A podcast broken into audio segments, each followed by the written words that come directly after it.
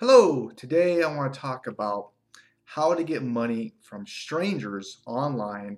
Really, the four huge categories that this fall, how to do this to make things very, very simple for you so you can get paid, which is good.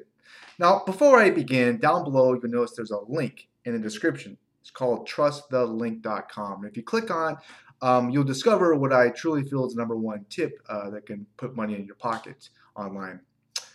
So what do you think is the largest challenge to making money on the internet is? You might think you need some money to make money online. Uh, you could think it's uh, knowledge, maybe it's internet traffic. You know, those are all valuable reasons. They could be right. Um, and I would also include on there is shiny object syndrome, right? As one of the largest hurdles to making money online because there's so many different options a lot of distractions. There's a lot of different ways you can make money. It's almost called paralysis analysis when there's just too many choices. So you're just you're drawing a blank. You're like, I, I, I'm not choosing nothing. You know, makes sense. So I'm going to relate uh, to getting paid online, to, to getting money from strangers, uh, to a small brick and small brick and mortar store. Okay, that used to be around all the time. Now, the first way to make money with like a brick and mortar store, like a retail store or small shop, is with the land itself. Okay, right? Uh, you could buy internet domains and resell them, and hopefully, you know, make more money off them. Right? Uh, you can sell them to other investors. You know, flip them, make some money. Uh, if you hold on to them and you sell them to an end consumer, you can make more money. Okay, makes sense, right? You can develop a store on a domain possibly make more money on that as well. Um, even generate traffic that can help you sell that domain. Uh, this really is the first way to make money online. And I guess you can probably could include cryptocurrency as well with this. I don't know. What do you think? Could be that. Now, the second way to really make money, and going back to the small mom and pop store, is being a freelancer. You know, I'm thinking, you know, maybe like, you know, being a window washer, you know, just kind of working there on the side. This could include, for example, like taking pictures and selling the pictures on uh, iStock photos, maybe having a gig at Fiverr, maybe helping people write the reports and selling it through them, ebooks. Uh, CPA affiliate marketing is the land is kind of like freelance work. Uh, it's like cost per acquisition, or if you drive a lead to a squeeze page or whatever, they put in some information, you'll make a little bit of money, right? It's freelance work. Now, of course, the person who owns the store is going to make more money. That's just the way the reality is. Okay.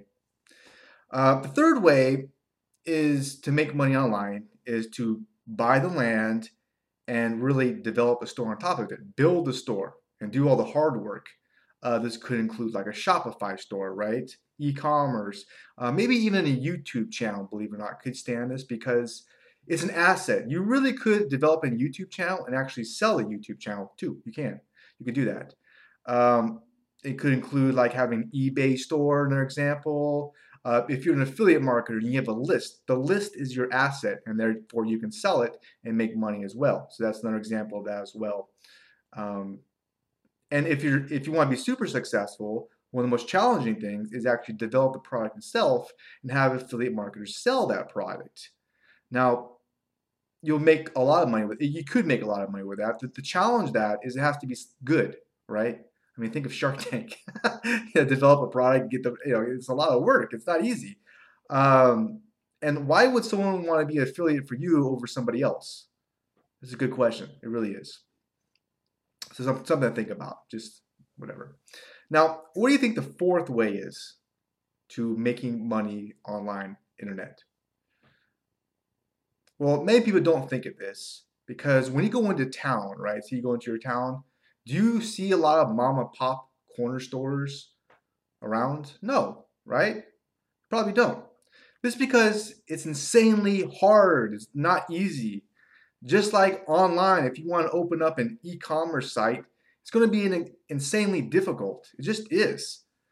What you might see instead when you go into town is like franchises, maybe a Subway, a McDonald's.